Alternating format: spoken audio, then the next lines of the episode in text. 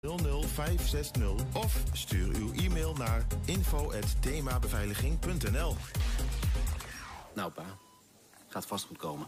Het is voor hun routine. Ze doen het Ja, echt elke maar één ding. Als ik er niet goed uitkom uit de operatie... dan hoeft het voor mij niet meer. Ah joh, doe niet zo gek. Je bent zo weer de ouwe. Ik eh, heb trouwens de ser in de lach gezet. Ga je echt mooi vinden. De dood. Praat erover. Niet eroverheen. Ga naar sieren.nl.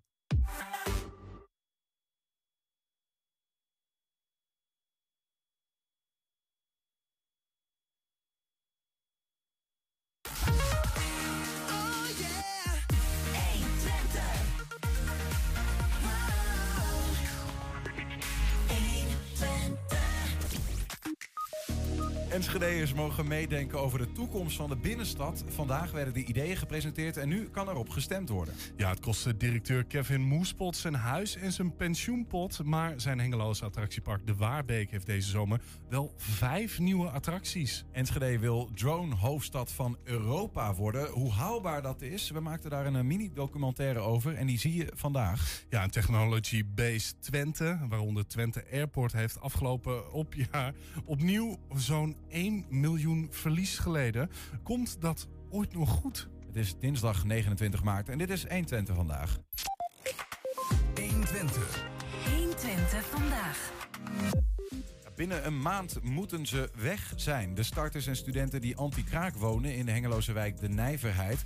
Ze moeten plaatsmaken voor uh, Oekraïense vluchtelingen. Verhuurder wel bij ons, die kan ze niet verder helpen. Maar waar moeten ze dan heen? Ook de Hengeloze politiek die uh, mengt zich nu in de discussie. SP en PVV plaatsen vraagtekens bij het besluit. En bij ons aangeschoven is SP-raadslid Vincent Mulder. Vincent, welkom. Ja, Om het uh, even te schetsen, het gaat om een huizenblok in de Nijverheid. dat door vier straten wordt omsloten eigenlijk.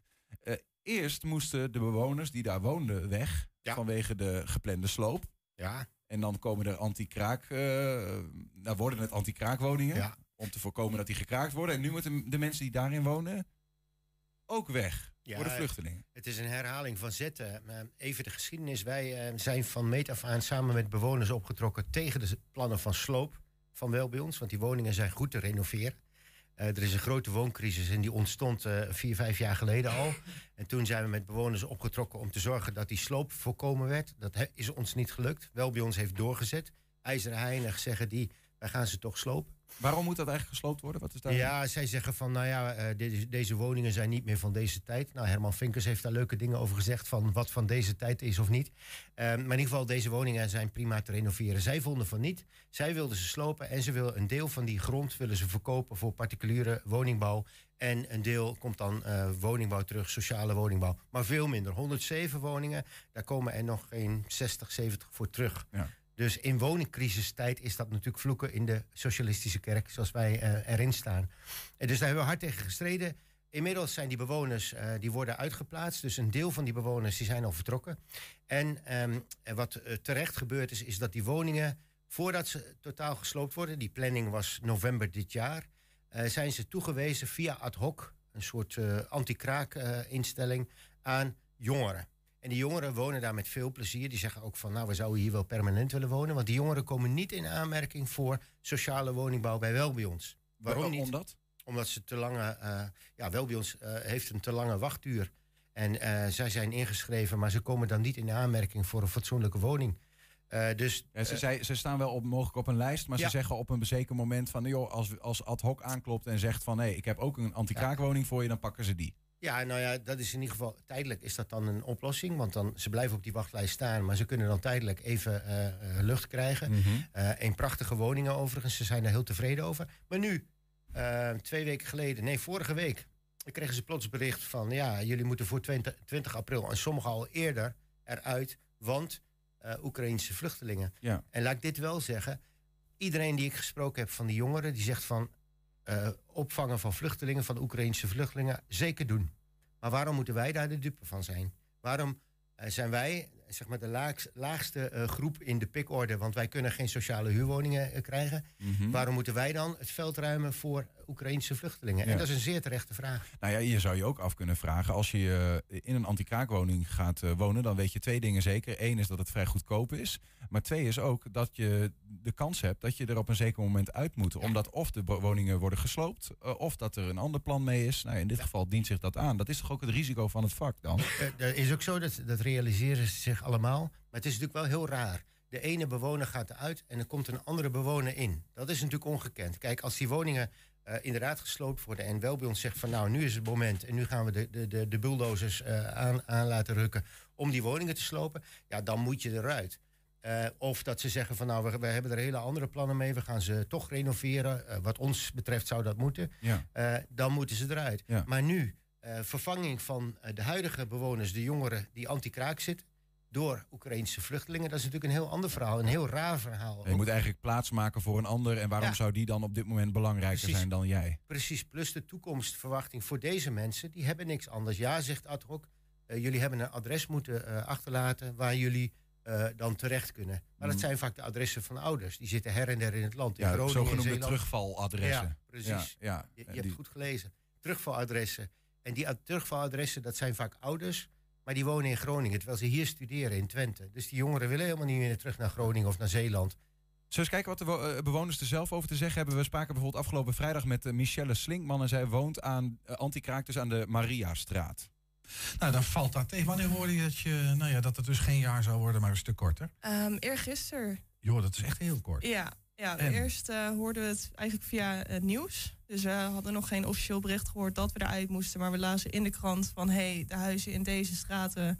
die gaan we aan de vluchtelingen geven. Oké, het was dus niet met jullie gecommuniceerd in Nee. eerste instantie, maar je hebt via de media precies, gehoord. via de media gehoord. Nou, Eh, moet nou je ja. die niet altijd geloven natuurlijk, maar in dit geval... Nee, precies. Toen hebben we even gebeld met ad hoc van... hé, hey, eh, wat lees ik nou? Moet ik mijn huis uit? Eh, ja of nee? Ad hoc is de organisatie die, anti, die de anti-kraak beschikbaar stelt. Ja, hè? Anti-kraak precies, wordt, ja. right. Ja, het zou in november gesloopt worden. Dus we waren ervan bewust dat we in ieder geval rond die tijd eruit zouden moeten. Nou, dan heb je in ieder geval wat extra tijd.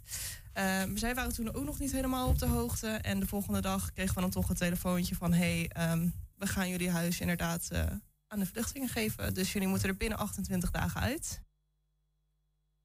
Ja, dus, dus eh, om maar te zeggen, die be- beroerde communicatie kwam er ook nog eh, bij voor Ja, deze zeker, mensen. Zeker. Sterker nog, de gemeente liet vrijdag weten, de burgemeester van Hengelo, dat ad hoc de verplichting heeft om eh, de bewoners eh, in ieder geval alternatieve huisvesting te bieden. Mhm. Nou, dat is een verplichting waarvan ad hoc zegt van hoezo, daar weten wij niks van. Eh, wel bij ons zegt van ja, ja, wij zullen wel helpen als het nodig is. Maar ik sprak net in de trein hier naartoe, van Hengelo naar Enschede, sprak ik een, een meisje. En die heeft eh, iets aangeboden gekregen in Almelo. Maar dat is een fabriekshal waar ze dan met meerdere mensen in zouden kunnen eh, gaan, gaan wonen. Dat is natuurlijk geen woonplek. Dus met andere woorden, als de gemeente Hengelo serieus zegt, maakt wat ze, wat ze zeggen, namelijk ad hoc heeft de verplichting, dan moeten die ook eh, gewoon fatsoenlijke woonruimte worden aangeboden. Het zij door wel bij ons, het zij door, door ad hoc zelf, andere anti-kraakpanden, of door de gemeente Hengelo. Maar, maar wat klopt er dan van? Want ik begrijp ook dat als ad hoc eh, mensen eh, uitplaatsen, om zo maar te zeggen, omdat er sloop gaat plaatsvinden of wat Ja. dan ook, dat zij soms ook dat ze wel iets aanbieden, maar dat dat soms bijvoorbeeld aan de andere kant van het land is. Nou, aan de andere kant van het land kan natuurlijk niet, want je kunt niet iemand die hier studeert in Twente, kun je niet, ja, kun je wel dat iets, kan wel. je kunt wel iets aanbieden in Zeeland, maar nee, dan snap je wel wat Maar- het antwoord is. Nee, precies, maar klopt dat, dat ad hoc dat doet? Want dat, dat is wat ik ervan begrepen heb. Nou, ad hoc heeft natuurlijk de morele verplichting. Maar eh, eh, kijk, het feit is, wel bij ons heeft gezegd... wij willen die woningen beschikbaar stellen voor Oekraïners. Dus dat is de eerste speler. Mhm. Dus wel bij ons heeft die grote verantwoordelijkheid... om daar een oplossing voor te zoeken. De gemeente heeft daarin bewilligd. Die stelt geld beschikbaar voor het opknappen van de sloopwoningen... Mhm. voor de Oekraïners. Terwijl een heleboel woningen zijn al opgeknapt door de jongeren zelf. Die hebben daar heel veel in geïnvesteerd... voor de tijdelijkheid van hun verblijf daar. Dus met andere woorden, eh, de gemeente, eh, wel bij ons... maar ook ad hoc heeft een verplichting, een morele verplichting... om die jongeren niet op straat te gooien. Even voor mijn begrip, is Ja. wel bij ons, hè, de woningcorporatie, heeft hij gezegd wij willen dat gewoon uit een soort van moreel oogpunt? Of, of voelen zij een soort van opdracht die ook weer door overheidswegen is opgelegd? Eh, we kennen allemaal het nieuws, we kennen allemaal de stroom eh, die is voorzegd van Oekraïnse vluchtelingen. Dus iedereen weet dat eh, alle Nederlanders hebben die morele verplichting. Eh, je kunt je als particulier ook aanmelden als je een paar kamers hebt en, en, en de mogelijkheid voor Oekraïnse vluchtelingen. Zou ik iedereen aanbevelen die die ruimte heeft, doe dat. Eh, maar er is natuurlijk ook een verplichting voor eh, ja, de, de maatschappelijke instellingen. Wel bij ons in dit geval, de gemeente Hengelo moet daarvoor zorgen. Dus ik vind het helemaal niet zo raar dat wel bij ons kwam op het idee van die eh, woningen. Maar er stonden een aantal woningen al leeg Mhm. in de Mariastraat. Dus als ze nou daarmee begonnen waren met acht of tien woningen die al leeg stonden. Ja. En dan vervolgens hadden gezegd van nou oké, op het moment dat anti-kraakmensen andere plekken vinden, gaan wij die woningen invullen voor eh, Oekraïners. Ja. Dan was dat een veel betere communicatie, maar ook een veel beter proces geweest. Juistere volgorde. Even, je noemde eerder al 107, begreep ik dat goed? Eh, Woningen Ja. eh, zitten er in dat blok? Ja. Ehm, die allemaal op nominatie voor sloop staan. Nou, inmiddels door onze strijd hebben ze 18 woningen hebben ze nu bestempeld als te renoveren woningen. Dus dat zijn de zogenaamde witte huisjes aan de Geringsweg. Ja. Die, die behouden ze, maar dus de, eh, 107 min 18, dat Ja. zijn de woningen die... 89 ga je zeg ik dat goed? Ja, heel goed. nou wel. Ja, ja. Die, die hou je dan over. Ehm, eh, maar hoeveel van deze eh, jongeren, zoals eh, deze Michelle, hebben gehoord dat ze hun huis uit moeten? We waren vorige week donderdagavond in een actiebijeenkomst. Daar kwamen de jongeren bij elkaar, die hadden een appgroep. Kenden elkaar, de meeste kenden elkaar niet. Mhm. En daar, was, ja, daar kwamen 30, 40 eh, jongeren op af. Allemaal met hun eigen verhaal. En dat zijn soms heel ja, interessante verhalen, maar ook wel schrijnende verhalen. Jongeren die echt op een soort vluchtheuvel zitten van... ja, ik, ik ga nu ad hoc wonen, want anderszins is mij niet mogelijk. Nou, en die jongeren die, die worden allemaal eh, bedreigd in hun bestaan. Dus ik denk, en het, het aantal was niet compleet... dus ik denk dat er zo'n 50, 60 jongeren daar bedreigd worden in hun eh, wonen. Ja, bedreigd worden. Ik zit even te denken hoe dat dan heel concreet gaat. Want je zegt al, sommigen komen hier vanuit Groningen. Hun terugvaladres zijn, is hun ouders in Groningen. Moeten ze dan echt straks weer gaan pendelen tussen Hengelo en Groningen? Of is dat een onmogelijkheid wat, wat jullie betreft als SP? Nou, het pendelen. Kijk, als je hier studeert en in Groningen eh, je huis zou hebben, dan is dat een hele rare pendel. Dan moet je eigenlijk tussentijds al hier eh, eh, slaapruimte hebben om te wonen. Dus kijk, iedereen kan natuurlijk wel een oplossing verzinnen voor zijn of haar situatie. Maar degene die, de die dit probleem creëren, Moet hem ook oplossen. die moet hem oplossen. Ja. En deze mensen mogen niet de dupe worden van wat Poetin in Oekraïne allemaal eh, flikkert, flikt. Wat, wat, wat, vind, wat vind je er eigenlijk van? eh, Ik weet, eh, wat is de betrokkenheid van de raad eigenlijk geweest bij dit besluit? Of is dit een zogeheten collegebesluit of iets wat wel bij ons Ja. doet? Nee, dit is een collegebesluit. We werden als raad ook overvallen. Maar wat ik zei, die brief van vrijdag, die gaf enig soelaas. Namelijk ad hoc heeft de verplichting om die mensen vervangende woonruimte aan te bieden. Mhm. Maar eh, als raad zijn we hier niet in gekend en hebben we daar ook geen besluitvorming in. Nee. Dus, en dat is ook wel logisch. College mag daarin besluiten. Wel bij ons mag ook zeggen van wij eh, willen die woningen daarvoor beschikbaar stellen. Maar ja, als je woningen beschikbaar stelt waar al mensen in wonen, dan Ja. is dat natuurlijk een heel krank verhaal. Ja, dus kortom, eh, ad hoc kan wel voor vervangende woonruimte eh, zorgen. Maar dat als het in Groningen is of in de andere kant van het land. Ja, of als het niet voldoet als woonruimte. Hè. Kijk, als je zegt van nou, we hebben een, een, een, een, lege bedrijfshal en daar kunnen wel tien mensen wonen. Ja, dat is leuk. Maar dat, dat wil je niet als je uit een woning komt waar je gewoon met één of twee mensen Nee. eh, plezierig hebt gewoond, tijdelijk. Precies, en dan kom je terug bij degene die het, eh, nou ja, de uitdaging heeft veroorzaakt. Ja. Namelijk wel bij ons en misschien wel het college eh, als Ja, overheid. zeker. Die hebben deze. ook verantwoordelijkheid, absoluut. Dus Ja. wij gaan ze morgen aanspreken. Morgen is er een, een nieuwe raadsinstallatie. en ik heb begrepen dat ook een aantal van die jongeren... die laten zich daar horen. Die zullen verhuisdozen meebrengen. Die nemen slaapzakken mee eh, in de stadhuishal... om daar eh, in ieder geval acte de présence te geven. Precies. Nou ja, en er ligt nog, ja, ik- we moeten het gesprek een beetje afronden, maar ik zit toch ook te denken, er ligt toch ook wel een dieper probleem onder dat eh, blijkbaar in Hengelo de woningnood zo groot is dat er geen eh, vervangende woonruimte voor die jongeren Was het maar alleen in Hengelo. Dat is in Enschede. Dat Ja. is overal in, in Nederland is dat Ja. zo. En die wooncrisis is veroorzaakt door beleid. Beleid van kabinetten die gewoon niet hebben willen bouwen. Die hebben willen slopen. Die hebben willen verkopen. De, eh, de groep eh, sociale eh, huurders die daarvoor in aanmerking komen... die hebben ze steeds verder verkleind. Dus er is gewoon een groot probleem met mensen met een laag inkomen, lage opleiding. Toch is de SP ook onderdeel van de coalitie in Hengelo geweest de afgelopen jaren. Zeker, zeker. En ik, nou ja, als je vraagt van wat is nou een van de dingen die niet gelukt zijn, dan is het dit. Dat wordt de komende jaren beter. Nou, we weten Ja, niet- nou ja we, hebben, we hebben grote plannen gemaakt en die, die worden nu in werking gezet. Dus er wordt, worden sociale huurwoningen gebouwd. Maar die sloop van de Mariastraat kunnen wij helaas niet stoppen. En als, het, als ik dat zou kunnen, zou ik vandaag nog naar Groningen en terugreizen om dat Ja, voor elkaar ja, te krijgen. Met je eigen handen de Ja, stenen precies. tegen te houden. Ja, ja. Vincent Mulder, dank en eh, succes met eh, de strijd ook voor deze jongeren. ja, jij ook bedankt. Ja, Enschede'ers mogen meedenken over de toekomst van de binnenstad. Vandaag werden de ideeën gepresenteerd en de volgende stap in het proces. Straks praten we je bij. 120. 120 vandaag. Ja, het kostte directeur Kevin Moespot zijn huis en zijn pensioenpot. Maar zijn hengeloze attractiepark De Waarbeek heeft deze zomer wel vijf nieuwe attracties. Komend weekend gaat het park weer open en wij van 120 namen alvast een kijkje. En mochten zelf, zelfs als allereerste in een nieuwe attractie Rupsje mee.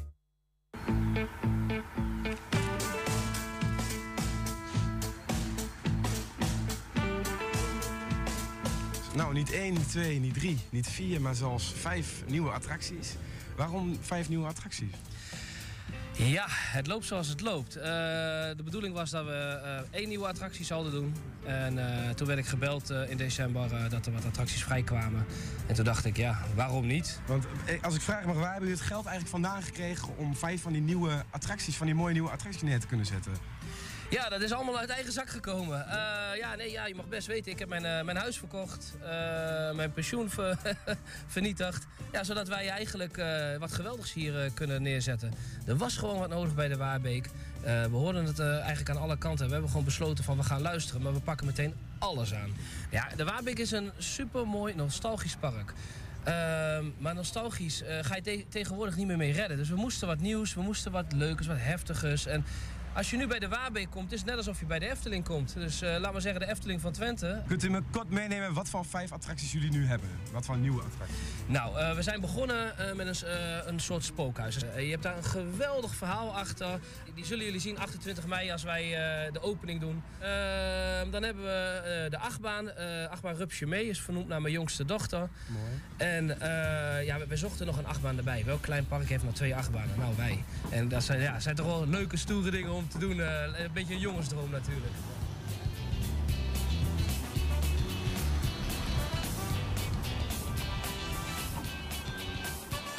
Uh, toen hebben we besloten van nou, onze rupsbaan die was aan vervanging toe. En uh, die hebben wij gedaan naar iemand die heel veel nostalgische kermis doet. Zo, die hebben mooi thuis gekregen. Ook niet te sloop, gewoon echt een mooi thuis. En wij hebben besloten om daar de Rocking Roger voor terug te doen. Dat is een schip die op en neer gaat en draait. Onze waterfietsen waren wat gedateerd. En bij de Valkenier hadden ze hele mooie nieuwe waterfietsen. Dus wij besloten om deze over te nemen. En we hebben nu in plaats van vier waterfietsen, twaalf stuks. Dus uh, ja, dat is nogal een uh, vooruitgang. En uh, ja, toen kwam er klap op de vuurpijl kwam er een toren die omhoog en omlaag gaat. ja, het mooiste wat wij dit jaar doen, wij zijn ik denk wel een van de weinige parken die niet zijn gestegen met een online prijs. Wij, ondanks alle ja, forse stijgingen, 15,50. Nou, dan heb je een hoop attracties extra's erbij. En hetzelfde concept als vorig jaar. Onbeperkt eten en drinken. Nou, geweldig toch? Ja, ziet er leuk uit. Gezellig. Ja, de man heeft, je kunt alles zeggen, zeker passie voor de zaak. Dat, dat 100 procent. 120. 120 vandaag. Enschede wil, zoals alle steden in Nederland, denk ik, mee in de vaart der volkeren. En daarom worden er door beleidsmakers, planologen, andere specialisten allerlei plannen ontwikkeld. Maar die weten ook niet alles. Sterker nog, de beste en leukste ideeën komen vaak uit de stad en van de inwoners zelf. En dat inspireerde Enschede tot de ontwikkeling van een online ideeën- en stembus. Het eerste project waarvoor tien ideeën moeten worden gerealiseerd is het zogeheten Actieplan Binnenstad. De stemming is geopend. En collega Ernst Bergboer die, uh, was vanmiddag bij de presentatie van de ideeën en van hoe het nou verder gaat. Ernst, welkom. Je bent nu bij ons. Vertel eens. Een online ideeën en, en, en stembus, is dat voor de bühne of, of uh, ga, gaan we echt dingen zien die Enschede's hebben bedacht? Nee, ik, de, de, de, is, ik, heb, ik heb daar een paar keer uh, expliciet naar gevraagd, want dat is natuurlijk precies waar het om gaat. Het is echt de bedoeling dat dit ideeën zijn van inwoners, maar kunnen ook ondernemers zijn, uh, in ieder geval betrokken mensen bij een project in de stad. Kan, ook dat kan weer van alles zijn. Dat die ideeën ook daadwerkelijk gerealiseerd worden. worden dat, dus die ideeën worden echt verwezenlijkt. Oké, en nou is er een, een actieplan binnenstad. Ja. Uh, nou ja, dat, dat klinkt als hoe gaat de binnenstad er de komende jaren uitzien? Ja, wat zijn de ideeën om die binnenstad aantrekkelijker, leuker, leefbaarder, uh, gevarieerder, nou noem het op te maken. Mm -hmm. En uh, daarvoor is dus een online platform, dat heet stemvanenschede.nl. Daar kunnen alle Enschede'ers zich, ja, je moet je wel registreren, aanmelden. Maar dan kan je daar ideeën, aanvankelijk, het is een soort van stappenplan. Dus Enschede'ers kunnen ideeën, dat hebben ze voor die binnenstad gedaan. Die hebben ideeën um, uh, ingediend. Er zijn 33 ideeën ingediend. Um, die worden dan vervolgens geselecteerd. Het gaat natuurlijk een klein beetje over haalbaarheid en of het soms kunnen ideeën misschien wel bijten met andere ontwikkelingen. Nou, daar wordt wel een beetje naar gekeken, maar vrij grofmazig. Mm -hmm. En dan worden er, in dit geval zijn er twintig ideeën online gezet, gepresenteerd, zeg maar online gepresenteerd. Ja. En daar kan je nu op stemmen. Um, en de tien ideeën met de meeste stemmen, die worden daadwerkelijk, die worden omgezet in een actieplan binnenstad. En die worden in de komende vijf jaar moeten die uitgevoerd gaan worden. Of veel eerder, want er zitten ook hele kleine ideeën bij die heel makkelijk te realiseren zijn. Ja. Maar ja, dan gaat, ga je er dan vanuit dat het niet goed genoeg is? Hè? Gaat, uh, of, want we hebben op zich een best een mooie binnenstad in Enschede, toch? Ja, dan laten we het zoals het is. Vind je het goed plan? Nou, of zou- is dat ook een idee wat Nou ja, kijk, weet je, nou, dat zou een idee kunnen zijn. Maar ik, ik kan me nog heel goed herinneren dat ik de allereerste keer dat ik in Enschede kwam, eh, dat ik op het Van Heekplein terecht kwam. Geen idee, ik kende heel Enschede niet. En dacht, mijn god. Wat is dit voor Wat is? Ja, precies, wat Ja, is dat? Dus, Ja. dus volgens mij zijn er altijd dingen die gewoon echt beter en leuker kunnen. ja. Ehm, en dat vinden Enschede'ers kennelijk ook. Want er zijn toch, nou, ik, ik, ik vroeg me een beetje af, is dat nou veel? Hè? 33 ideeën die zijn ingediend. Daar waren ze eigenlijk al heel tevreden mee. Het is een beetje een pilot, hè, van hoe kan je nou de stem en de ideeën van inwoners Mm. eh, eh, eh, verzamelen. En hoe kan je daar nou concreet wat van maken? Ja. Eh, nou, nou ik ja. moet een beetje denken aan onze vriend Ahmed Yilmaz, die eh, met de verkiezingen natuurlijk op de lijst stond. Die had het altijd over co-creatie. hè. Je moet eh, inwoners meenemen in het maakproces van de stad. Nou ja, dan is dit misschien nog wel een voorbeeld. Ik wil niet voor hem spreken, want hij zal er vast een ander idee bij hebben. Maar even tussendoor, Ernst, we hebben hier een foto staan. Ja, van- dit is- dit is, de- achter het stadhuis. Is dit. Ja, dit is de, de Klokkenplas. Daar, daar werden ooit na de stadsbrand de klokken opgeslagen. Daar heeft deze plek zijn naam aan ontleend. Maar is een beetje zo'n dood, ehm niets, ge- nietszeggend stukje binnenstad. Ze hebben dat wat opgeleukt met een beeldje en wat nou ja, waterpartijtjes en zo. Maar Ja, echt, en en echt doet het Een niet. aantal heggen achter elkaar. Ik vind het heel raar. Ik heb ooit geskateboard hier met Ja. Koningsdag en zo. Nou, toen was het een mooi plein, daar kon je nog wat. Maar nu is het wel, ik vind het een beetje gek. Nou ja, dus er zijn, eh, ik geloof, twee of drie van die ideeën gaan over die klokkenplas. Ah. Dan maak daar een, mooie, een mooi stadspark van. Zo'n verscholen stadsparkje. Waar mensen elkaar kunnen ontmoeten. Misschien bowlen of picknicken. Of maar het idee van een, skate, eh, van, een, van, een, van een skatepark in de binnenstad. Is ook wel weer geopperd. Zou ook hier kunnen. Dus maar even als voorbeeld van zo'n... Nou ja, zo'n zo'n wat... Ja, een beetje... Des, ja, desolaat is niet echt desolaat. Maar wel een stukje binnenstad waar, waar niks gebeurt. Eh, nou, daar zijn een aantal ideeën voor ingediend. Waar je dus op kan stemmen. Dat is een voorbeeld. Een ander idee zijn... Mag we ik moeten- tussendoor vragen? Ja? Hoe is dat dan gevraagd aan de inwoners? Zo van, hé, hey, we willen wat met die klokkenplas. Ja. Of is gewoon gezegd, Nee. jongens, die binnenstad van Enschede, wat vind je ervan? Ja. En wat moet er mee? Gewoon Ja. heel open. Heel open, ja. Ja, want ondernemers van de Hearn en de Performance Factory bijvoorbeeld... die hebben een compleet uitgewerkt plan met een visie en een missie en een strategie... en een SWOT-analyse voor de liefhebbers, hè, een sterkte-zwakte-analyse. Dat, is een, dat is een heel uitgebreid plan. Dit is gewoon een idee van eh, laten we hier een parkje van maken. Veel verder uitgewerkt is het niet.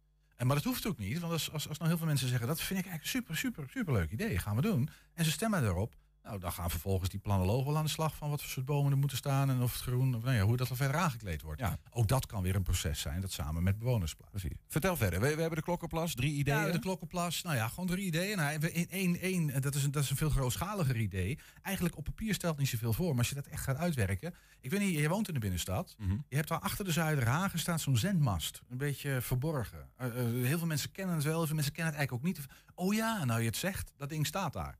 Eh, dat is eigenlijk, het idee is om van die zendmast een soort landmark te maken als ehm, eh, symbool voor de innovatie van Enschede. Wifi is bijvoorbeeld in Enschede uitgevonden.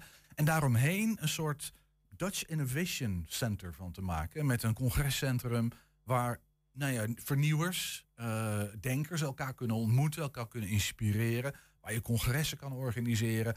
Enschede als innovatieve stad. ik Maar er zit nu een restaurant. Turquoise. Ja, dat moet dan tegen de, geen idee, dat moet misschien tegen de Nee, vlakte. maar goed, dat dat moet een heel innovatief restaurant worden. Ja, precies. Maar dat als idee is Maar een van de ideeën die is ingebracht. Inderdaad, nee, maar het gaat dus om dat, dat er, het, er zijn ideeën en of die ideeën dan eh, kunnen en wat er dan mee moet gebeuren, daar wordt dan later nog weer over nagedacht. Nee, of niet. Eh, ik begrijp heel erg dat het gaat niet om of. Die ideeën worden uitgevoerd. De vraag is dan natuurlijk alleen wel hoe precies. Hoe ga je dat dan inkleden? Ja. Waar ga je dat dan precies doen en waar kan het? Eh, dus er zijn nog wel wat vragen te beantwoorden voordat die gerealiseerd worden.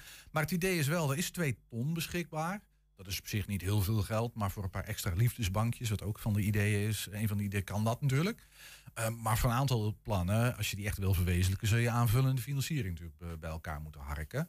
Eh, nou ja, zo'n Dutch Innovation Center, ik zeg het even uit mijn hoofd nu, volgens mij heet het zo. Dat, dat is natuurlijk een ingrijpende eh, aangelegenheid. Maar het idee is wel dat binnen vijf jaar, dat in de komende vijf jaar, of zoveel eerder als kan, dat, dat echt die tien ideeën eh, zijn uitgevoerd dan wel in uitvoering zijn. Dus Ja, dat de is een tien heel ideeën die de meeste stemmen hebben gekregen. Ja. En dan niet, niet, niet, de vraag is niet of, maar hoe. Bij die ideeën gaat het dan om. Ja. Precies. Oké. En de- je we hebben een parkje gehoord, het Dutch Innovation Center, de liefdesbankjes. Het klinkt al best wel verschillend, zeg maar. Is er nog, heb jij iets van een rode draad kunnen bespeuren? Ja, weet je, wat je een beetje ziet, dat, dat, dat zeiden ze ook vanmiddag wel in die presentatie, weer klopt ook wel, is dat het heel erg gaat over beleving, over leefbaarheid, over vergroening. Eh, en eigenlijk is het ook wel logisch. Als je naar zo'n binnenstad kijkt, wat wil je daar? Je wil daar fijn vertoeven. Wat heb je daarvoor nodig? Nou, lekker, schoon, groen, fris, leuke straatjes met geinige winkeltjes. Weet je, nou dat. Dus het gaat heel erg over beleving, vergroening. Ehm, eh, het, het, het nog leuker maken van de binnenstad dan die eigenlijk inderdaad ook al wel is. Behalve het Van Heekplein. Staat genoteerd. Nee, maar ik vraag me ook even af. Die, ehm, die ideeën die zijn nu allemaal bedacht door, ik weet niet wie. Eigenlijk gewoon, Inwoners, ja, inwoners. En, inwoners en één plan van, eh, van eh, ondernemers. Wat je, wat je vaak, tenminste, dat denk ik maar even, vaak ziet, is dat dezelfde mensen, hè, we noemen maar de usual suspects, meedoen met dit soort eh, acties. Die zijn betrokken. Eh, is dat in dit geval ook niet ook gewoon weer gebeurd? En hoe, hoe zorgt de gemeente er nou voor dat iedereen een beetje meedenkt? Ja, kijk, het is natuurlijk een beetje. Dat kan ik niet helemaal nagaan. Eh, er- er er staan wel namen bij, hè, maar ik ken al die mensen niet. Ehm, ja, de- de- inderdaad, het is een soort van risico dat je loopt. Het leuke is wel, en dat geloof ik ook wel, is dat. ehm, de- de wethouder, geloof ik, die June Notts in dit geval, die verwoordt het een klein beetje zo. Dat het, het, is eigenlijk, het zijn echt niet hele rare of ideeën waarvan we nou, hoe komen ze daar, maar wat interessant of zo. Eh, Geen idee waar ze dit vandaan halen. Dus in zekere zin is het zijn wat van logische ideeën. Maar de inkleuring van wat de gemeente al met de stad wil, is ineens wel veel concreter. En, en, eh, en daar zitten wel elementen in waar ze op het stadhuis nooit over nagedacht zouden hebben. Dus dat is volgens mij op zich al wel geinig. Is dat je als je een planoloog achter een tekentafel loslaat, of je laat die, het is wel een, een, ver- een vergaarbak van denkkracht van, van inwoners ook. En er komen toch wel grappige dingen uit, eh, denk ik. En dat denkt de gemeente ook, dus daar gaan ze mee aan de slag. En het is ook een pilot in die zin dat het is een poging om die stad meer te betrekken bij nou ja, al dit soort plannen. Want dit is er maar één, hè? Ja. Die website blijft bestaan, maar er komen elke keer nieuwe projecten op waar mensen dan weer wat van kunnen vinden. Ideeën precies. kunnen aandragen Ja, en op kunnen stemmen.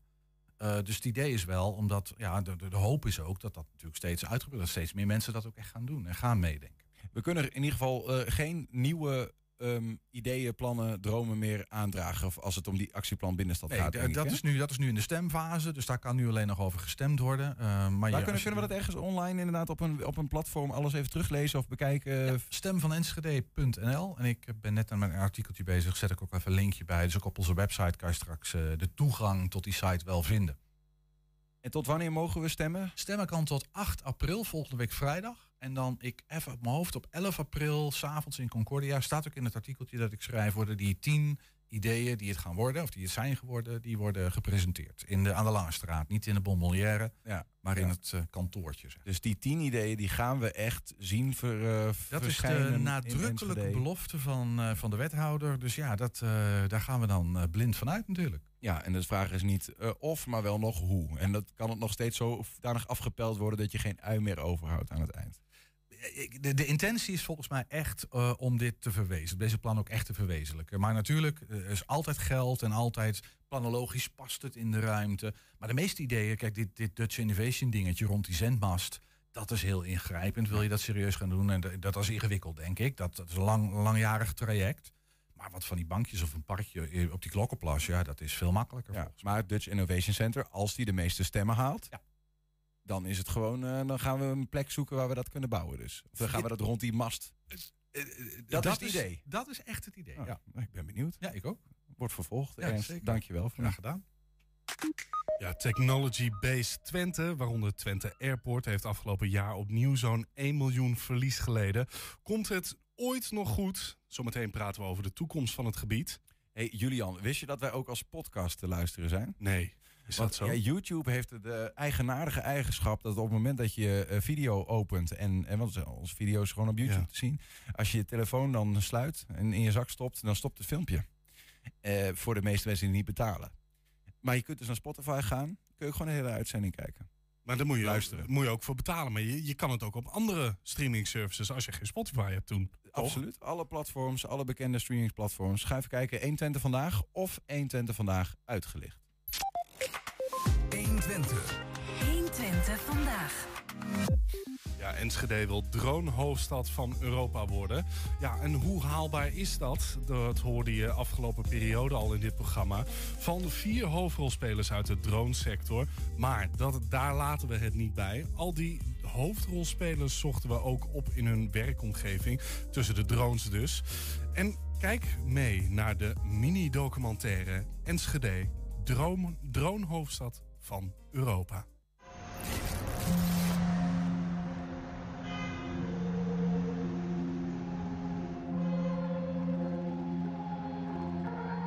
is dat, de dronehoofdstad van Europa? Ik heb daar wel een visie op. Wij horen bij de plekken in de wereld waar dat serieus wordt genomen, dat onderwerp. Uh, Enschede uh, zeker wel als, als, als hoofdstad, als dronehoofdstad, ja. Ik ben uh, uiteraard overtuigd dat Enschede dronehoofdstad van, van Europa wordt. Worden we voorloper? ik denk het wel. Hier in deze shelter op voormalig vliegveld Twente gebeurde bijna vier jaar geleden iets bijzonders. Gemeente Enschede, politie, brandweer, Rijkswaterstaat en onderwijsinstellingen Saxion en UT starten samen een innovatiecentrum voor drones. Enschede werd daarmee aanjager en voorloper in de ontwikkeling van deze vliegende robots. Zozeer zelfs dat men een van de hoogste ambities uitsprak. Wij worden drone hoofdstad van Europa.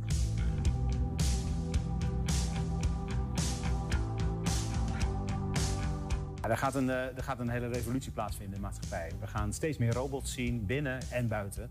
Uh, en een deel van die robots, ja, die zal vliegen. En die noemen we nu drone. En daar richten we ons nu even heel specifiek op. Maar feitelijk gaat er een compleet nieuwe markt ontstaan voor al die technologie. En daar willen wij een nou, zeg maar aanjaagfunctie in hebben. We kunnen wachten tot het allemaal naar ons toe komt. We kunnen ook kijken of we daarin wat voorop kunnen lopen. En of je daar bedrijven in kan helpen laten ontstaan, zodat een deel van die technologie gewoon uit Nederland en uit Twente kan komen. De technische ontwikkeling van drones vindt hier plaats, op de afdeling Megatronica van onderwijsinstelling Saxion.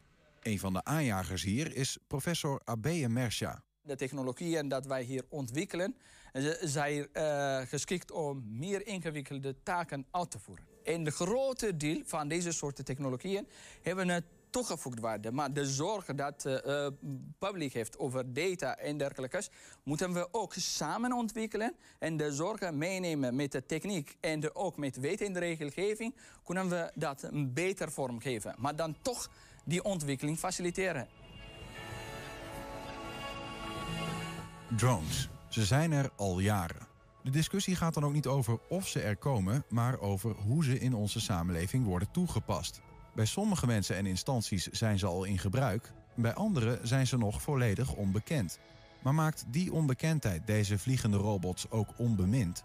We vroegen dat aan de mensen in Enschede. Ja, ik vind, uh, ik vind het wel een mooi speelgoed. Coole ontwikkeling. Soms vind ik het wel mooi. Valt met een brand of zo, dan kunt je toch meer zien dan ja. uh, gewoon. Ik vind het fantastisch dat je zo'n mooi beeld vanaf bovenaf kan krijgen. Ik zie ook heel veel voordelen in landbouw. Dat je al kan zien van, hé, hey, uh, moet er iets aan een gewas gebeuren. In Afrika gebruiken ze vooral om... Uh, mm, voor, don voor donors en zo. Uh -huh. Van A tot en met B te brengen. Misschien pakketjes uh, sturen, delivery en dat soort. Het uh, hoofdstuk drones, daar zijn we mee begonnen in uh, 2012. En hebben we ons direct eigenlijk al gericht op de industriële toepassingen van drones. Dus we maken hier geen drones, maar eigenlijk alles wat eronder hangt en alles wat je ermee kunt. Daar maken wij de apparaten voor. Zo hebben we bijvoorbeeld voor de brandweer, uh, als we een vermiste persoon uh, zoeken of een uh, drenkeling op het water, dan kunnen wij dat met onze thermische camera automatisch vinden en ook automatisch detecteren en lokaliseren. Een biologische bestrijding van de maisboorder hebben we een toepassing voor. Maisboorder, dat is een kleine rups. Die uh, boort eigenlijk uh, letterlijk door de maisstengel heen. En dan krijg je allemaal geknakte stengels. En die vreet zich ook in de kolf. Dus die levert heel veel schade. Het is een Duits bedrijf die heeft honderd van die sluipwespjes, eitjes daarvan. Zetten ze in een papieren balletje. En dan moet de boer eigenlijk officieel om de 10 meter zo'n balletje in die mais uh, leggen. Dus daar hebben we een toepassing voor gemaakt. Dat dat met een drone kan. En dan kun je met één accu, dat is ongeveer 20 minuten vliegen, kunnen we 5 hectare bedienen.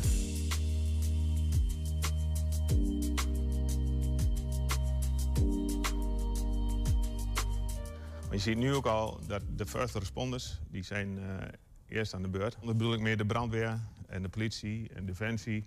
Incidentmanagement noemen ze dat. Maar die moeten dus zo snel mogelijk op de plek zijn. Maar die drone die kan er natuurlijk al veel eerder zijn. En die kan alvast uh, bekijken van ja, moet er opgeschaald worden of is het een valsmelding? Want het is nog altijd 80, 90 procent valsmeldingen. En dan weten ze meteen van oh, er is niks aan de hand of we moeten juist opschalen. Ik heb nu op resume gedrukt en dan komt hij weer, uh, zegt de beveiliger, ik heb genoeg gezien. En gaat hij zo weer terug naar zijn honk. In dit geval hebben we dus een uh, kliko gebruikt. Dat is mooi gecamoufleerd. Dus iedereen denkt dat, dat daar gewoon vuilnis in zit. Dit mag alleen maar gebruikt worden als een piloot in de buurt zit. Dus dat doen we al wel. Maar in het is natuurlijk eh, in de toekomst eh, de bedoeling dat hij helemaal autonoom gaat vliegen. En dat ze hem ook eigenlijk vanuit de meldkamer kunnen opstarten. Nou, en dat deel dat mag nog niet. Nou, ik ben sowieso altijd heel voorzichtig met de term autonoom. Ehm, ik denk dat eh, ja, zeg maar robots die bediend worden... eh, altijd op de een of andere manier een vorm van controle nodig hebben. Dus een, een toestel wat automatisch zijn werk doet, of autonoom zijn werk doet... wat je juist nodig hebt om het commercieel of zakelijk interessant te maken... Hè, dat je er dus inderdaad kosten mee gaat besparen... dat is nu nog even een grote belemmering. En die gaan we de komende jaar, jaren slechten. Nou, ik zie niet snel dat, eh, dat een pizza, want dat zijn altijd uh, reclamestunts, dat er een pizza gebracht wordt, zal worden met een drone in de toekomst. Of pakketjes, dus een paar schoenen, et cetera. Dat kan er niet uit en het, is de, eh, eh, dient ook niet de, de, de maatschappij. Probeer het wel eens te vergelijken met eh, al de busjes die we nu door de wijken van de, van de steden zien rijden met alle pakjes erin. Het zou mij niks verbazen als er straks ook zoveel busjes als er nu zijn, straks ook zoveel drones door, eh, boven de steden hangen. En er is wel eens inderdaad eh, door bijvoorbeeld bedrijven die nu actief zijn in de luchtvaart gezegd dat voor een stad als Parijs dat zomaar 18, 20.000 drones kunnen zijn die daar dagelijks boven de, boven de stad hangen.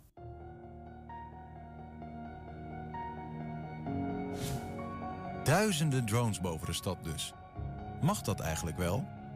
Alles wat in de lucht vliegt, bemand of onbemand, viel tot eind 2020 onder de luchtvaartwet. Daarna kwamen er Europese regels voor drones die rekening houden met het risico op een ongeluk tijdens de vlucht. Met als gevolg dat dichtbevolkte en bebouwde gebieden voor het grootste gedeelte no-fly zones zijn, waar dus niet gevlogen mag worden. Drones worden gezien als luchtvaartuigen.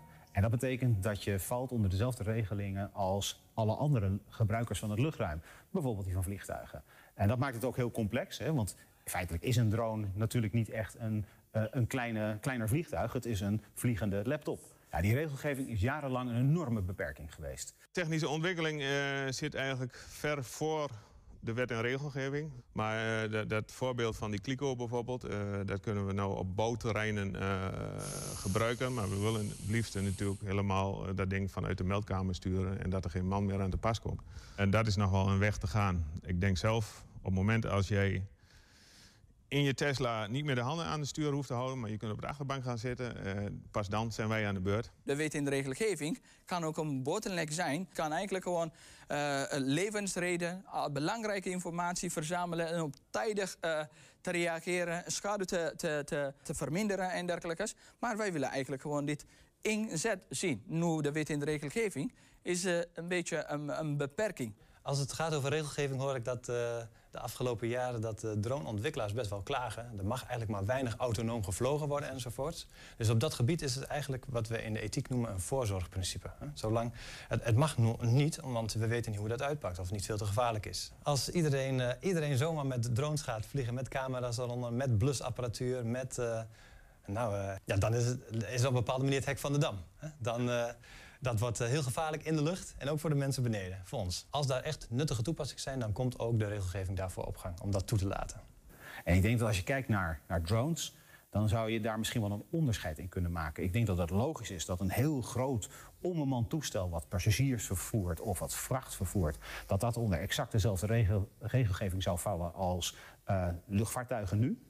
Maar een drone die wordt ingezet door een inspectiebedrijf of door een brandweer om eh, ter plaatse eh, een paar meter boven de grond een beter beeld te krijgen, heeft natuurlijk vrij weinig met, vliegvelden, of met, met vliegtuigen te maken of met luchtvaart te maken. Die zouden eigenlijk onder een andere regelgeving moeten vallen. Is nu niet zo. Ehm, wat je wel hebt, is dat er in de regelgeving inmiddels wel onderkend is dat er een, eh, een verschil in, in luchtlagen zit. En er wordt meer ruimte gegeven aan drones in die onderste luchtlaag. Volgens sommige experts zullen er over een aantal jaren ontzettend veel drones over onze hoofden vliegen. Wel of niet te horen en wel of niet te zien. Maar wat betekent dit voor onze privacy? En in hoeverre kan die worden gewaarborgd? Ook daarover lopen de meningen onder de Enschedeërs uiteen. Maar maakt zich geen zorgen dat u er zelf ook in de gaten gehouden wordt? Helemaal niet. We worden sowieso al in de gaten gehouden. Ik heb niks te verbergen, dus ik vind dat wel prima. Het ligt er natuurlijk aan wat je gaat filmen met zo'n drone. En in hoeverre je dan de privacy schendt van mensen. Als je in de tuin zit en dan zie je opeens zo'n drone om jou heen vliegen, dat vind ik minder. Ja, nee, dat is natuurlijk wel een beetje privacygevoelig. Beetje eng soms. Ah. Nou, volgens mij hebben we al nauwelijks privacy als je een digitale telefoon hebt. Dus Als het functioneel wordt gebruikt, gericht inzet, he- heb ik daar geen probleem mee.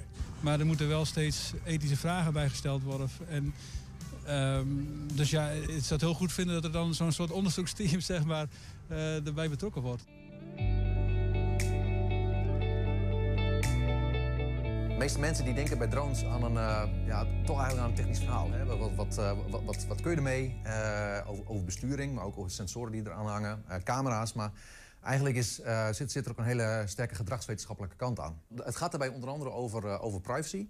Het idee wat mensen bij drones hebben, is dat er altijd een, een camera eh, aan hangt. En dat er dus iemand mee zit te kijken hè, wat, wat, wat, wat, eh, dat te zien is. Dat is toch vooral ook, denk ik, onbekend maakt onbemind. Hè. Mensen hebben bepaalde ideeën bij drones. Hè. Het idee dat, dat, dat, je altijd bespied wordt bijvoorbeeld. Dus wat je over drones leest in, in de krant is ook, is ook vaak negatief, negatief getint. Er hangt een drone daar die eruit ziet alsof die van plexiglas is. Dus hij glimt een beetje, is half doorzichtig.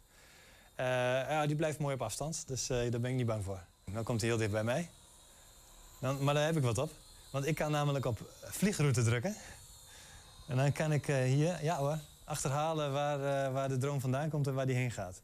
Men zegt, drones komen eh, allerlei dingen voor ons oplossen. Er komen er een heleboel van. Dus dit is het moment om er extra over na te denken of dat... of het goede dingen zijn die we daarmee willen doen. En wat de daadwerkelijke effecten daarvan zullen zijn. En dan wordt de ethische vraag, vinden wij het wenselijk? Hoe willen wij leven en hoe passen drones daarin? Dus wat voor drones willen wij? Als Space 53 proberen we juist een zo, zo holistisch mogelijk beeld te hebben... doordat we juist gaan kijken... eh, Space 53 is er niet alleen voor technologie... maar is ook voor de inbedding in de maatschappij. Betekent dus ook dat je nadenkt over... wat vinden we sociaal en ethisch wenselijk. Mensen worden in een virtuele omgeving geplaatst en die zien daarin eh, een, een drone vliegen. Dus we hebben heel erg gekeken wat is nou de invloed van de omgeving waarin je je bevindt op hoe je tegen zo'n drone aankijkt. En dat je in een, in een natuuromgeving eh, eh, eh, een drone ziet, ben je vooral geïnteresseerd in informatie die betrekking heeft op privacy. Terwijl dat veel minder het geval is wanneer je bijvoorbeeld op een festivalterrein bent. Ze tappen gronsbier op dit festival waar ik ben. Dat zie ik al zo snel. Nu loopt een vrouw door mij heen. Oh nee, ze botste op mij. Met acceptatie gaat het natuurlijk om van wat, wat gebeurt er tussen de oren van mensen. Het gaat er niet om wat er feitelijk gebeurt, maar het gaat erom wat mensen denken dat er gebeurt. Dat beïnvloedt uiteindelijk eh, of ze eh, eh, positief of negatief zijn over de inzet van drones.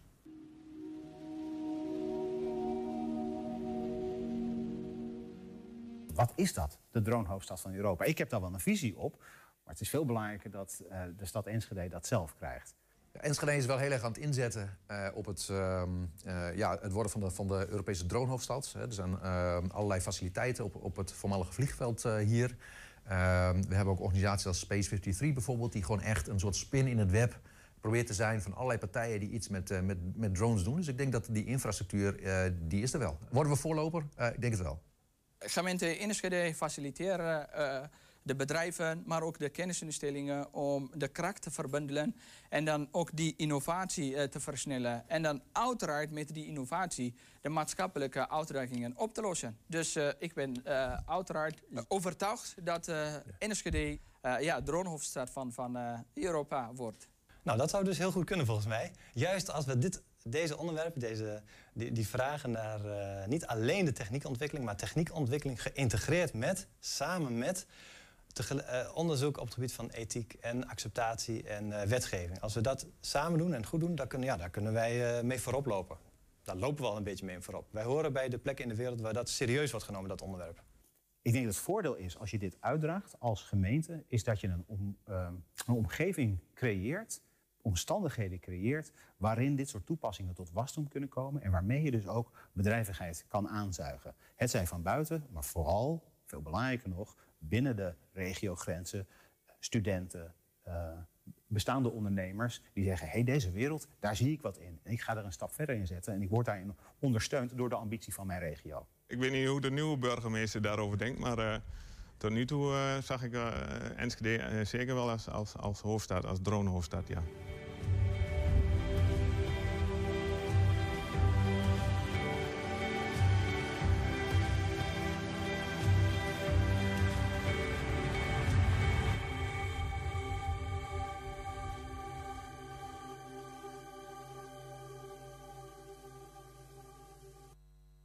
Ja, het ziet er toch wel gaaf uit, hè, Niels?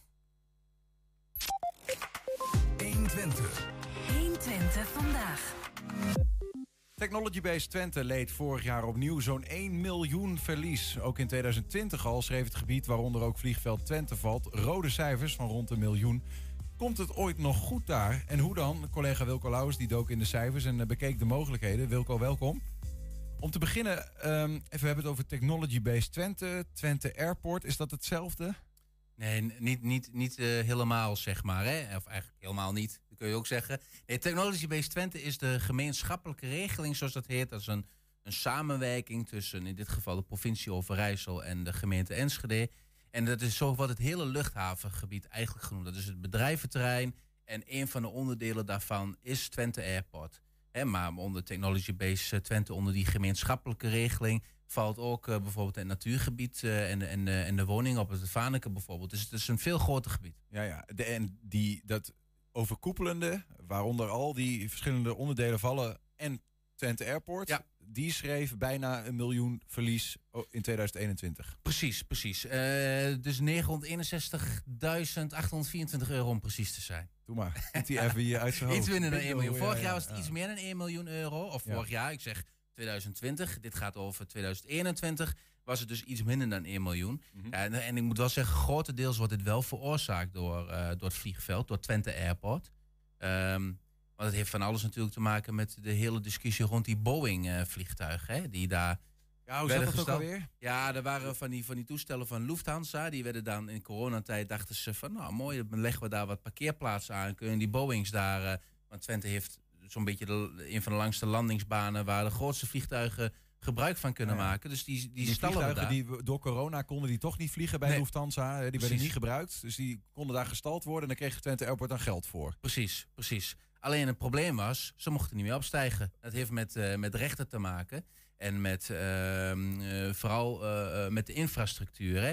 De, de, de wet, hè, de, de inspectie van, van, de, van de leefomgeving, die, die, die schrijft voor dat je voor zulke grote vliegtuigen moet een vliegveld shoulders, hè, van die uitwijkmogelijkheden aan de zijkant, dat je kunt draaien en van draaipaden hebben. Mhm. Zodat je een vliegtuig veilig kunt keren. Nou, dan zegt de Twente Airport, ja, maar je, land, je landen we verder bijna geen... We hebben niet een echt volwaardige luchthaven in die zin. Ja. Dus het, die veiligheid kunnen we wel garanderen. Maar ja, het zijn de regels. En daarover is een heel lange discussie geweest. Maar toen stonden die vliegtuigen er dus al.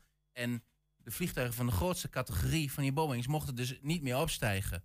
Nou, die hebben daar, dat heeft een hele tijd geduurd. Uiteindelijk is daar een ontheffing voor verleend. Moesten ze weg ineens. Maar ja, je hebt allemaal contracten voor langdurig parkeren. Die moesten dus worden afgebroken. Want Lufthansa moet ineens op zoek eh, voor die vliegtuigen naar andere locaties. En die moesten ineens voor een bepaalde datum weg. Anders mocht het niet meer. Dan, ja, dan heb je daar een Boeing staan waar je, waar je niks meer kunt. Nou ja, goed, die hele discussie. Want nou, nou, dat contract moest natuurlijk... Er moest een soort afkoopsom aan Lufthansa worden betaald. Ja. En dat heeft allemaal al toch een paar ton gekost. En de hele juridische procedure. Maar dat, klinkt als zeg maar ja, eh, een ongeluk. Had je misschien kunnen zien aankomen, want het is wel een opmerkelijk verhaal. Maar Ja. goed, ehm, eh, maar het jaar daarvoor was er ook al een verlies. Er, er lijkt ook een soort van structurele ehm, ongemak te zijn met het vliegveld. Maar ook dat had eh, ook deels met al die juridische procedures en zo te maken. Hè. Dat heeft niet alleen vorig jaar gespeeld, maar ook het jaar daarvoor. Ehm, dat zijn dus incidentele, eenmalige, eh, met andere woorden, tegenvallers. Ja, maar om het zo maar te zeggen, Ja. het zou maar zo kunnen dat 2022 een beter jaar is voor het vliegveld. Dat is wel de verwachting, ja. ja maar nog steeds eh, structureel eh, is er gewoon een tekort voor de luchthaven. En het, is met alle inkomsten die je hebt van inkomende vluchten en andere bedrijvigheden daar, daar, daar zit gewoon een tekort op van 3,5 ton jaarlijks. Die 3,5 ton, hè, want je, je begon te vertellen, Technology Base, waar die luchthaven onder valt, dat is ehm, eigendom van deels half gemeente Enschede en half provincie Overijssel. Betekent dat ook dat zij het verlies telkens eh, opvangen en delen? Ja, formeel wel. Hè. Eh, Het verlies van, zeg maar, laten we afronden, 1 miljoen euro... betekent dat 5 ton op rekening van de gemeente uiteindelijk komt... en 5 ton op de provincie Overijssel. Alleen zal dat niet direct betaald hoeven te worden. En dan wordt het financieel een technisch verhaal... maar die gemeenschappelijke regeling, die, die samenwerking... die is natuurlijk nog niet afgelopen. Er liggen allemaal kavels die nog verkocht moeten worden van het bedrijventerrein. Nou, de woningbouw is nu bijna afgerond... Maar eh, dat hele project is nog niet afgerond. En pas aan het einde van het project wordt de baten en lasten tegen elkaar afgewogen. En als er dan een verlies is, dan draaien beide partijen voor de helft op. Maar ik kan je verklappen, op dit moment staat de verliesvoorziening, zoals het heet, een soort spaarpotje waarmee je al rekening houdt met de toekomstige verliezen, staat op bijna 10 miljoen euro. Voor de gemeente Enschede alleen.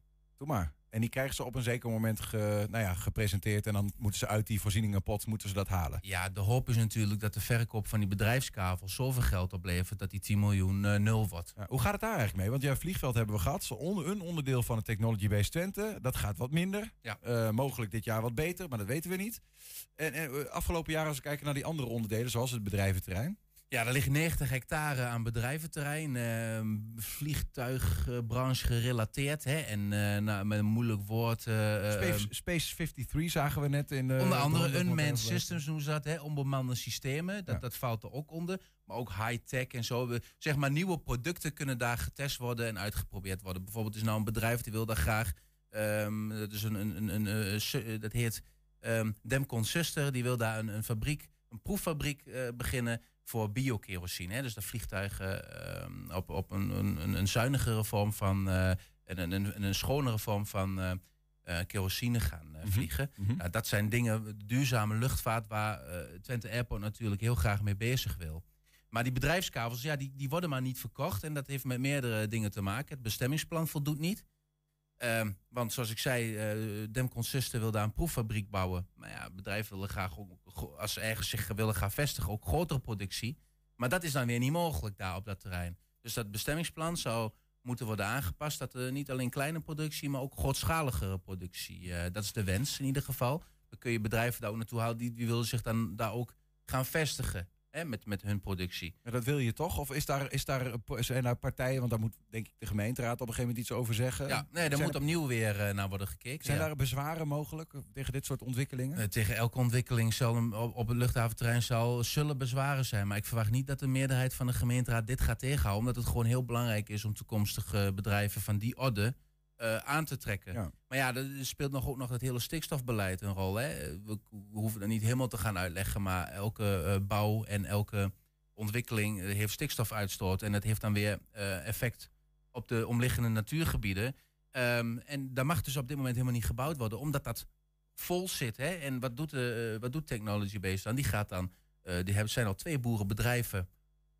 eentje is al aangekocht, de stikstofrechten. Dus die boeren stoppen dan en dan neemt uh, de Technology Base het bedrijfterrein de stikstofrechten over.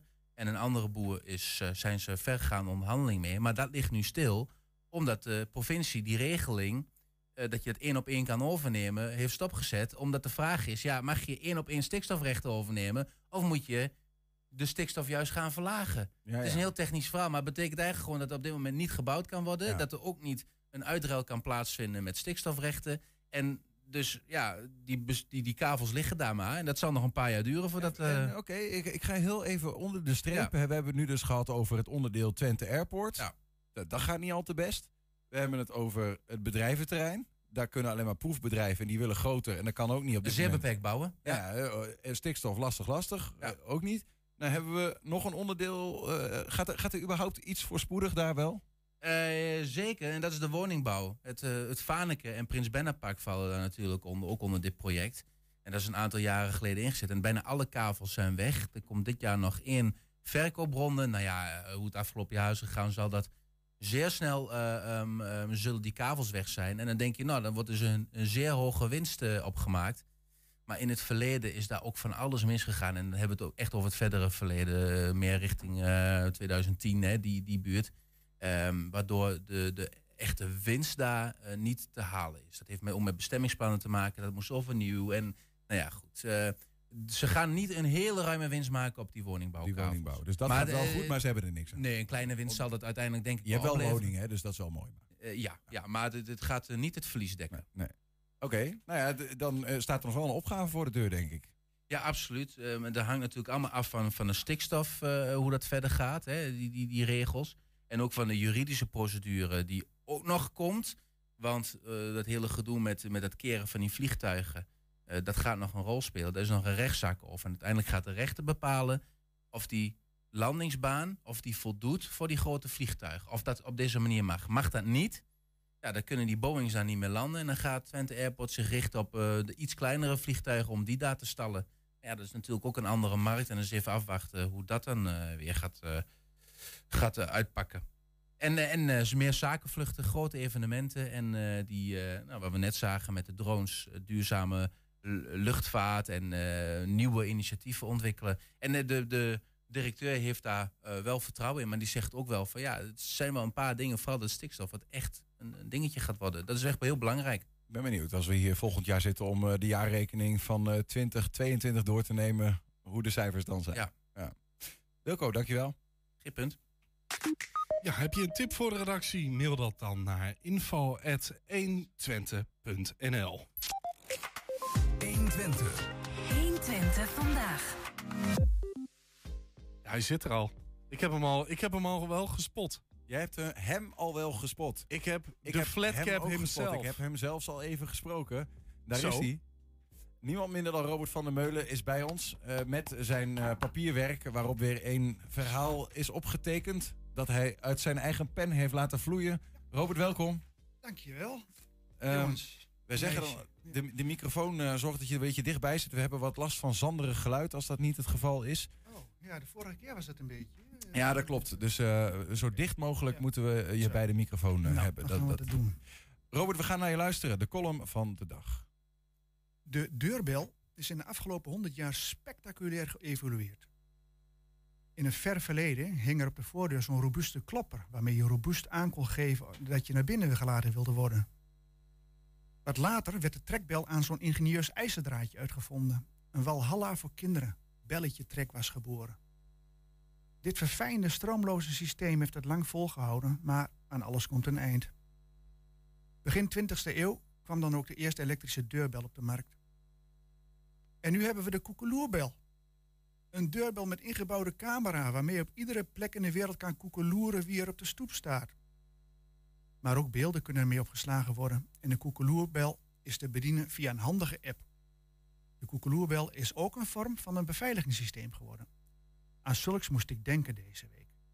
Luister maar. De enige overeenkomst is het huisnummer.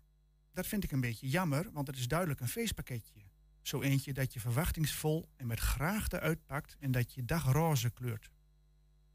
Er zou zomaar een fijn leesboek niet kunnen zitten. Het is helaas per abuis bij mij afgeleverd. Nu ben ik de beroerdste niet, daarom besluit ik de rol van pakketjesbezorger op mij te nemen. Ik klem het pakketje onder mijn oksel, wandel een aantal straantjes om en vind het beoogde adres. Het is die naar binnen gekeerde, intrigerende vrijstaande villa.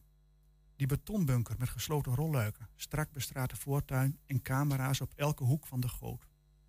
Het huis met de fonkelende Porsche en het kekke Fiatje 500 op de plas. Dat huis waarvan ik mij telkens afvraag of de hoofdbewoner er misschien een deel van de Engelse kroonjuwelen in consignatie heeft. Of dat hij er een kluis met nog witte wassen buit van Ridouan T. bewaakt.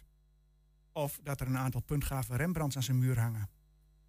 Het kan ook een anonieme oligarch zijn, of misschien meer voor de hand liggend, een hobbyist die er zijn vrouwenverzameling herbergt in zijn hobbykelder.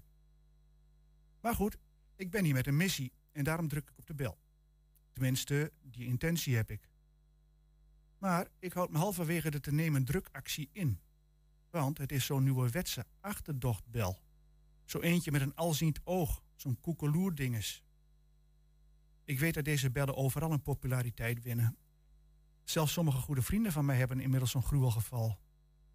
Ik weet niet goed waarom, maar mij staan ze tegen, die dingen. Dus doe ik obstinaat. Ik klop ouderwets aan en wacht af. Er gebeurt niets. Toch hoor ik iets, verre voetstappen. Dus klop ik bemoedigd nogmaals aan. Dit keer ietsje obstinater, op het gesloten rolluik van het raam naast de voordeur, want dat rammelt lekker door. Ja, de voetstappen naderen nu. Wie is daar? hoor ik een licht panikerende vrouwenstem roepen. Ik heb mijn vertrouwenwekkendste glimlach alvast opgezet voor het geval de deur openzwaait. Dat laatste lijkt niet zomaar volgens verwachting uit te komen. De deur blijft vooralsnog gesloten als Fort Knox. Dan hoor ik de vrouwenstem via de brievenbus vragen waarom ik niet op de bel druk. Tja, waarom doe ik dat niet? Dat is best een goede vraag vanuit het perspectief. Ik antwoord geheel naar waarheid dat ik een buurtgenoot ben. En dat er een pakketje voor haar per abuis bij mij is afgeleverd. En dat ik haar dat dan maar even kon brengen, want ik ben de beroerdste niet. En ook dat ik zo'n koekeloerbel maar een raar onheimisch ding vind en dat ik daarom liever aanklop. Dat kan wel zo zijn, zegt ze, maar zou je misschien toch even op de bel willen drukken? Dan kan mijn man ook meekijken op zijn telefoon. Dat vind ik veiliger. Tja, wat doe je dan? Raar onheimisch ding of niet, je bent de beroerdste niet. Dus druk je. Je wilt zijn vrouw geen angst aanjagen, toch? Obstinaatheid moet wel leuk blijven. Je jeugdpuisjes lig, liggen inmiddels alweer vier decennia achter je. Dan maar even bekoekeloerd worden door een alziend oog. Herkansing. Ik zet mijn vertrouwenwekkendste glimlach opnieuw op. Maar de deur gaat toch niet open. Het blijft doodstil in het betonbastion. Dus zet ik me opnieuw over mijn drukschroom heen en druk nogmaals. Maar helaas, ik hoor niets meer, zelfs geen verre voetstappen. In een ultieme poging tot contact trommel ik nog maar eens op het rolluik. Dat werkte zo even ook. Te vergeefs, niets dan radiostilte. Zou ze niet goed geworden zijn? Moet ik 112 bellen?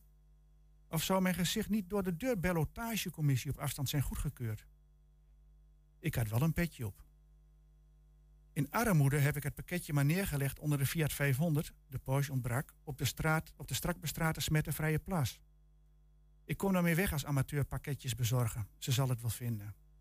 Ik hoop dat er wat moois in zit voor haar. Iets waar ze blij van wordt en niet bang. Ik denk het wel, want het was een feestelijk pakketje. Misschien zit er wel een fijn leesboek in.